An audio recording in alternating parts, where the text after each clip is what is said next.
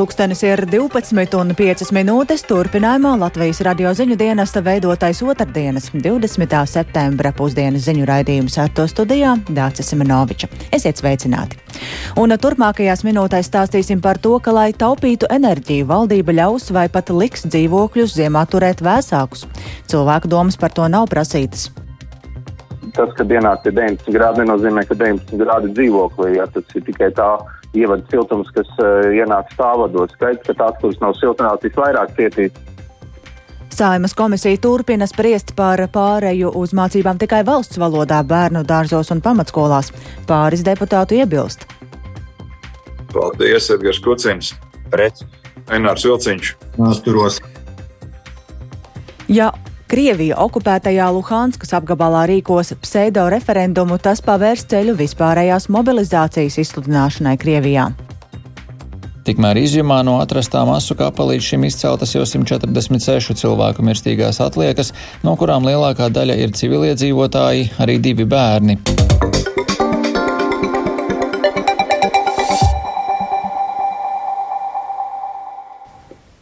Koalīcija jau vienojusies, ka Latvijā jānosaka energoresursu cenu griesti, taču valdībā detalizēti par to spriedīs pēc nedēļas. Šodienas sēdē ministri lemj par ekonomikas ministrijas priekšlikumiem un to, kā mājasaimniecības varētu taupīt siltumu. Izskan bažas, ka ministrijas piedāvājums ietekmētu dzīves apstākļus nesiltinātajos daudzdzīvokļu namos, jo ļautu namu apsaimniekotājiem neaptaujājot iedzīvotājus pazemināt centrāla apkuras temperatūru. Vairāk par to Jāņa Kīņš ierakstā. Valdības darba kārtībā ir ekonomikas ministrijas priekšlikumi grozījumiem ministru kabineta noteikumos, kā šodien papildus taupīt energoresursus. Noteikumu grozījumi paredz daudz dzīvokļu namu apsaimniekotāju iespēju taupības nolūkos pazemināt temperatūru centralizētās apkuras sistēmās un ūdens krānā. Turpina ekonomikas ministra Ilza Indriksone no Nacionālās apvienības kas sniegs iespēju samazināt energoresursu patēriņu dzīvojamām mājām, gan temperatūras samazināšanai līdz pat 18 grādiem, ko varēs īstenot eh, mājas uzturētājs un apsaimniekotājs, un arī siltā ūdens eh, temperatūras pazemināšanai, kas dos iespēju resursus taupīt, un eh, šīs atkāpes ir paredzētas normatīvajā regulējumā. Ekonomikas ministrijā lēsts, ka samazinot dzīvojamo telpu gaisa temperatūru par vienu grādu, varētu ietaupīt aptuveni 5% no apkuras izmaksām. Tas ilgtermiņā veidot vērā vērā ņemamu ietaupījumu. Tomēr par šīm izmaiņām izskan bažas, ka padomju laikā būvētajās un līdz šim nesiltinātajās ēkās apkuras temperatūra daudzos dzīvokļos arī agrāk zemās bija 19 līdz 20 grādu robežās. Ļaujot apkuras temperatūru pazemināt līdz piedāvātiem līmenim, siltuma zuduma dēļ dzīvokļos būtu pārāk drēgni, un to apzinās arī ekonomikas ministrijā. Noteikuma projekta anotācijā pausts, ka nosakot apkuru 19 grādu līmenī, būtu ietekmēti tie iedzīvotāji, kuri raduši dzīvot siltākās telpās vai kuri ir jūtīgāki pret temperatūru temperatūras pazemināšanos, it īpaši mazi bērni vai guļoši slimnieki. Ņemot vērā šo aspektu, loģiski būtu norma par apkurss temperatūras pazemināšanu noteikti tikai renovētās ēkās un jaunbūvēs. Par tik zemes temperatūras noteikšanu vispirms būtu vajadzīgas kopsapulces ar ēku iedzīvotājiem. Turklāt gan iemītnieku rocība, gan prasības par temperatūras režīmiem dažādās ēkās varētu atšķirties, uzsver jurists Reinis Vanaks. Skaidrs, ka tās, kuras nav siltinātas, visvairāk cietīs, jo tas, ka dienā ir 19 grādi, nenozīmē, ka 19 grādi dzīvoklī, ja tas ir tikai tā ievada siltums, kas uh, ienāk stāvados, ja, un atkarībā no mājas kopējā energo efektivitātes tur, tur, tur var būt pat ļoti zemas temperatūras. Es nezinu, vai pat normatīvas varētu izpildīt dažos gadījumos. Vienlaikus energoresursu izmaksu jautājumā valdību veidojošo partiju pārstāvji ir vienojušies par energoresursu cenu griestu noteikšanu. Valdība pēc nedēļas plāno lemt par cenu griestu noteikšanu centralizētai apkurei, dabas gāzei un elektroenerģijai. Varētu noteikt cenu griestus pirmajām 100 kWh. Enerģētikas eksperts Juris Ozoliņš šorīt Latvijas radio norādīja, ka galvenais tomēr ir mazināt elektroenerģijas patēriņu. Tas ir pats efektīvākais līdzeklis, lai mazinātu cenas, un tas sevi pierādīja arī Covid-19 pandēmijas laikā. Eksperts piebilda, ka cenu griestu noteikšanai jābūt īslaicīgam pasākumam. Jā, tas ir absolūti politisks lēmums. Ekonomisti brīdina, ka nevajadzētu atteikties no robežu cenas pielietošanas mehānisma tirgos. Tas ir normāla publiska debate. Un es domāju, ka tie atrisinājumi būs nacionāli, atšķirīgi katrā valstī, un nevajadzētu tik daudz skatīties uz Briseli, ka tikai tad, ja viņi pateiks, tad mēs kaut ko darīsim. Jāatgādina, ka pagājušajā nedēļā arī Latvijas bankas eksperti vērtēja, ka atbalstam energoresursu krīzē ir jābūt mērķētam, bet nodokļu mazināšana vai cenu griestu noteikšana energoresursiem nebūtu veiksmīgākais risinājums. Jānis Kincis, Latvijas Radio.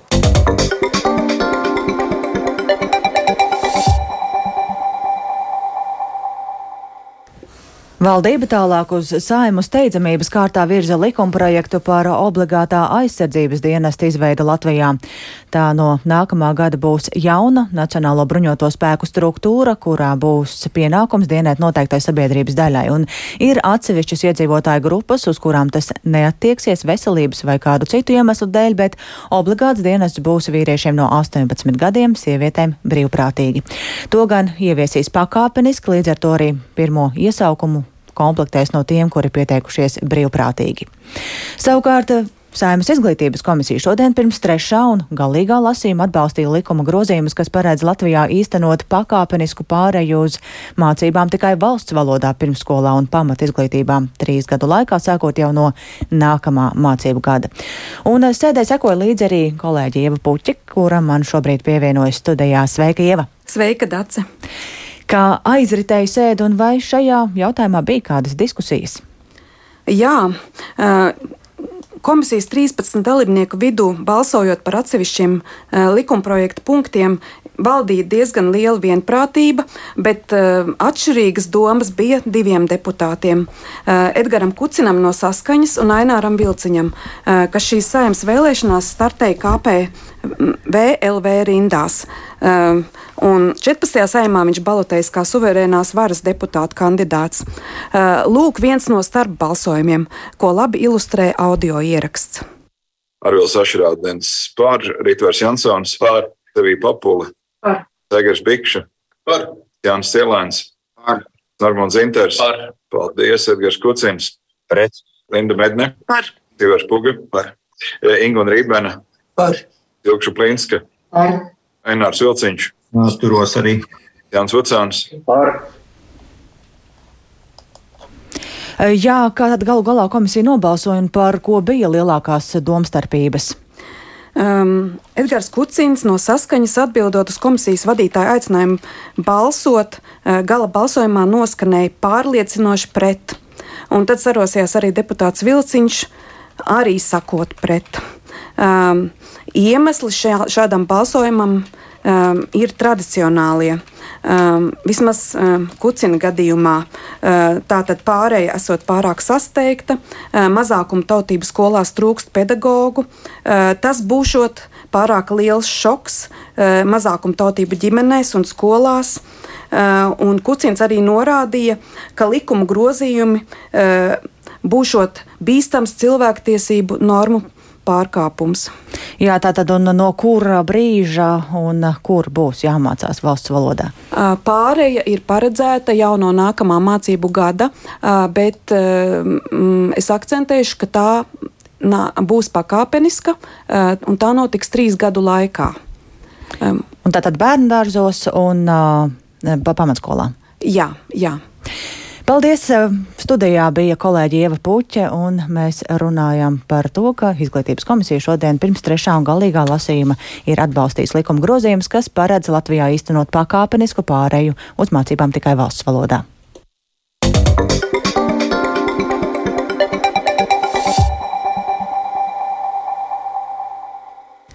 Ja Krievija okupētajā Ukrainas Luhanskas apgabalā rīkos pseido referendumu, tas pavērs ceļu vispārējai mobilizācijai Krievijā. Tā ir izteicies Luhanskas apgabala kara administrācijas vadītājs Serhijs Haidais. Turpinoties kara darbībai Ukrainā, Krievijas armijai joprojām ir problēmas ar kadriem. ASV Domnīcas kara pētījuma institūts analītiķi saka, ka Krievija nespēja radīt būtisku kaujas jaudu, lai gan cenšas mobilizēt papildu spēkus visos iespējamos veidos, lai nostiprinātu lielā mērā degradētās un demoralizētās apakšvienības. Tikmēr Ukrainas armija dienvidos turpina centienus atbrīvot Krievijas okupēto Hersonu. Plašāk stāsta Rihards Plūme. Aizvadītajā diennaktī Ukrainas dienvidos valsts aizstāvji iznīcināja okupantu alternatīvas pārceltuves pār Dņepras upi un lielu laivu ar okupantu karavīriem un tehniku. Iznīcinātas vairākas tehnikas vienības un teju simt Krievijas armijas karavīru. No okupācijas jau atbrīvoto apdzīvoto vietu iedzīvotājus Ukrainas Hersonas apgabala varas iestādes uz ziemas periodu aicina evakuēties. Krievijas artilērija turpina apšaudīt Hersonas apgabala mierīgos iedzīvotājus un civilo infrastruktūru gar visu frontes līniju. Ukrainas prezidents Valdimirs Zelenskis pateicies valsts policijai par ātru likuma un kārtības atjaunošanu tikko atbrīvotajās teritorijās. До речі, хочу подякувати Національній поліції за швидке відновлення правопорядку. Starp citu, vēlos pateikties valsts policijai par ātru likumu un kārtības atjaunošanu tikko atbrīvotajās teritorijās, un Ukrainas drošības dienestam par to, ka tas tagad strādā ar ievērojumu efektivitāti. Es nevaru atklāt visas detaļas, bet pateicoties Ukrainas drošības dienestam, mēs tagad esam pārliecināti, ka okupantiem nebūs nekāda atbalsta Ukrainas zemē. Tikmēr izjumā no atrastā masu kapa līdz šim izceltas jau 146 cilvēku mirstīgās atliekas, no kurām lielākā daļa ir civiliedzīvotāji, arī divi bērni. Dažiem masu kapā atrastajiem ir vardarbīgas nāves pazīmes. Turpinoties kara darbībai valsts austrumos, Ukrainas aizstāvji turpina pretuzbrukumu no Harkivas apgabala Luhanskas apgabalā. Pārvaldes struktūras Krievijas okupētajos Donetskas un Luhanskas apgabalos, tā dēvētās sabiedriskās palātas, pirmdien aicināja reģionos nekavējoties rīkot referendumus par pievienošanos Krievijai. ASV analītiķu ieskatā šādi paziņojumi liecina par to, ka Ukrainas pretuzbrukums ienaidniekam izsauc paniku arī to cilvēku vidū, kas Kremlī pieņem lēmumus. Pēc ekspertu domām Kremlis varētu uzskatīt, ka daļēja aneksija var dot impulsu jaunu spēku rekrutēšanai kā Krievijā, tā arī anektētajās Ukrainas teritorijās. Krievijas armija cenšas mobilizēt papildu spēkus visos potenciālajos avotos, lai nostiprinātu lielā mērā degradētās un demoralizētās apakšvienības, tomēr nespēja radīt būtiskas kaujas jaudas. Tikmēr Luhanskas apgabala kara administrācijas vadītājs Serhijs Haidējs norādījis, ka okupanti var sarīkot viltus referendumu un atbilstoši šiem rezultātiem tie gribēs iestāties Krievijas sastāvā. Tādā gadījumā uz laiku okupētā Ukrainas Luhanskas apgabala deokupācija no Krievijas skatu punkta būtu tiešs uzbrukums Krievijai, un tas dotu iespēju rīkot vispārējo mobilizāciju. Šodien Ņujorkā sāksies ANO ģenerālās asamblejas 77. sesija. Vairākas dienas notiekošās ģenerālās asamblejas laikā to attālināti uzrunās arī Ukrainas prezidents Valdimirs Zelenskis. Готуємо виступ на Генеральній асамблеї ООН. Будуть важливі сигнали від нашої держави. Mēs gatavojam runu ANO ģenerālajā asamblējā. Būs svarīgi signāli no mūsu valsts. Piedalīšos arī samitā par nodrošinātību ar pārtiku. Būs arī tiešsaistes tikšanās ar amerikāņu partneriem un investoriem. Mēs darām visu, lai nodrošinātu Ukrainas vajadzību apmierināšanu visos līmeņos - aizsardzībā, finansēs, ekonomikā, diplomātijā. Finansi, ekonomika, diplomātija. Kā piebildis Eiropas Savienības augstais pārstāvis ārlietās Žuzeps Borels, Ukraina šonadēļ būs svarīgākā tēma Ņujorkā. Rihards Plūme, Latvijas radio. Vēl neilgi pirms Krievijas iebrukuma Ukrainā Krievijas kara kuģi ir papildināti ar vāciešu izgudrotām tehnoloģijām, un vairāku gadu garumā Vācijā ražoti kuģu dīzeļdzinēji, kas izmantoti Krievijas kara flotē, piegādāti arī caur uzņēmumu Rīgā. Par to interesējās pētnieciskās žurnālistikas centrs Korekti Vācijā un lēkraksts Divelt, sadarbojoties arī ar Latvijas radio, un par to vairāk Jāņa Kīņša un Filipa Lastovska ierakstā. Kad Krievija okupēja Krimas pussalu Eiropas Savienības noteikto sankciju dēļ, kopš 2014. gada nav atļauts piegādāt tehnoloģijas Krievijas jūras kara flotei. Tomēr pēc vācu tehnoloģijas veidota dīzeļdzinēja vēl pērn raduši vietu karakuģos Greivoron. Tiešā gada pavasarī izmantot arī Odesas ostas apšaudēm no Sevastopols Krievijas okupētajā Krimā. Izrādās, ka šo kuģu motorus, balstoties uz sanāk iegādātu licenci, ražojas Ķīnas uzņēmums Henan. Tiem nepieciešamo papildus tehnoloģiju sagādas maršrutiem ļāvusi izsekot informāciju datubāzē Imports Genius par kravu pārvadājumiem Krievijā. Stāsta Vācijas pētnieciskā žurnālistikas centra korektīvu žurnālists Frederiks Richters. While we were basically looking at the Chinese Kad pētījām šo Ķīnas dīzeļdzinēju izcelsmi, mēs atklājām, ka kāds uzņēmums Sanktpēterburgā pircis dzinējus izmantošanai Krievijas militārajos kuģos un importējis vēl dažādas motoru tehnikas vienības no Vācijas. Un tad arī konstatējām, ka šīs tehnoloģijas nav saņemtas tieši no Vācijas, bet caur uzņēmumu Rīgā. Uzņēmums Marine Propulsion Systems Sanktpēterburgā gadiem ilgi pasūtījis Vācijā ražotos kuģu dīzeļmotorus un to detaļas. Līdz 2011. 2010. gadam tam bijusi tieša sadarbība ar ražotāju Deutsche ķelnē. Vēlāk daļa Sanktpēterburgas uzņēmuma saistība pārceltas uz Rīgu uzņēmumu Marines Systems. Kuģu dzinējs un ar tiem saistītas tehnikas vienības uzņēmums Deutsche ķelnē un citu uzņēmumi turpinājuši atbilstoši pasūtījumiem piegādāt uz Latviju. Marīnas sistēmas pamatnodarbošanās gan bijusi metāla izstrādājuma ražošana. Dzinēju piegādes bijusi tikai neliela daļa no biznesa. Dīvelt un korektīvi raksta, ka pēc 2014. gada, kad Vācija vairs nedrīkstēja piegādāt tā dēvētās divējāda civilā un militārā lietojuma preces Krievijai, piegādes turpinājušās ar domu, ka dzinējs izmantos civilajiem palīdzekļiem Eiropas Savienības teritorijā. Par tehnikas nonākšanu pāri Krievijas robežai ražotāji it kā nesot zinājuši. Pret šādu apgalvojumu iebilst Rīgā bāzētais uzņēmums Marine Systems, kas šogad pārsaukts par MS Productions. Nav tā kā neviens neko nevienam nav teicis un nav zinājis. No viņa zina uzņēmumu, uz kuru galamērķi jāsūta. Uzņēmuma finanšu direktora Karina Giješa stāsta, ka kuģu tehnoloģiju ražotāji Vācijā vienmēr zinājuši, ka dzinējs piegādās tieši uz Sanktpēterburgu. Savukārt turienes uzņēmums Marine Propulsion Systems nekad nav bijis pakļauts sankcijām. Vienlaikus Giješa atzīst, ka uzņēmuma spēkos nebija pārliecināties, vai nosūtītā tehnika Krievijā izmantot atbilstoši noslēgtajiem līgumiem, nevis piemēram militārajā infrastruktūrā infrastruktūrā, kas būtu sankciju pārkāpums. Paši līdz galam arī tagad nezinām, vai uz kuģa ir kaut kas uzstādīts, ko mēs pārdodam viņam. Kā mēs varam uzzināt vai pārliecināties, vai tieši mūsu to kuģi ir uzstādīts? Nu, nu nevaram. Nu, parasti taču, kad izvedām strateģiska daļa prasa ārlietu ministrijā. Par katru dzīvoju viņi taču prasa dokumentus iesniegt. Nevienam nebija jautājumu, nebija problēmu. Lai noskaidrotu, kāda darbība uzņēmumā MS Productions norit šobrīd, Dievelta un korektīva žurnālisti lūdza Latvijas radio palīdzību. Uzņēmuma reģistrētajā juridiskajā adresē Latvijas radio uzrunāja telpu pārvaldnieku pārstāvi. Uzņēmums norādītajā adresē tiešām darbojies, taču nesot zināms, kad telpas atstātas. Tāpat pat labam nekādas aktīvas darbības nenotiek arī ražotnē ādažos. To apstiprināja kāds tur tuvumā satikts darbinieks. Atteikti Nu, maijā vai nu, jūnijā viņi beidza ražošanu ar tiem metāliem. Viņam. Jums kaut kādi kā parādā viņi ir palikuši vai ko vai tas. Izrādās, ka uzņēmuma darbības strauji aprāvusies sekojoši Krievijas iebrukumam Ukrainā 24. februārī, kad jebkāda veida sadarbība ar Krieviju ir pārtraukta, un ietekme ir tieša. Ražotnē tiešām ir kluss jau kopš māja atlaist ap 90% strādājošo un zaudējumu pārsniedz 1 miljonu eiro. Vēl 2020. gadā Marīnas sistēmas apgrozījums bija virs 22 miljoniem eiro, bet peļņa pārsniedz pusotru miljonu eiro, liecina Lursoft dati. Metāla apstrādes uzņēmuma priekšnieks ir Igors Smoļins.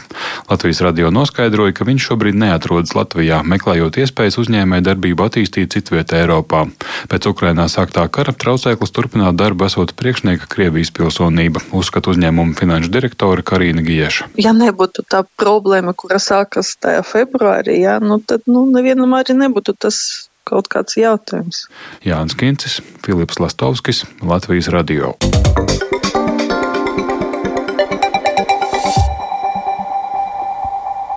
Un atgriežamies pie pieaugušās dzīves dārdzības. Ja nebūs valdības atbalsta elektroenerģijas izmaksu kāpumam, tad ledus halles varētu slēgt. Tā saka Latvijas ledus haļu asociācijas vadītājs Ēriks Miļuns.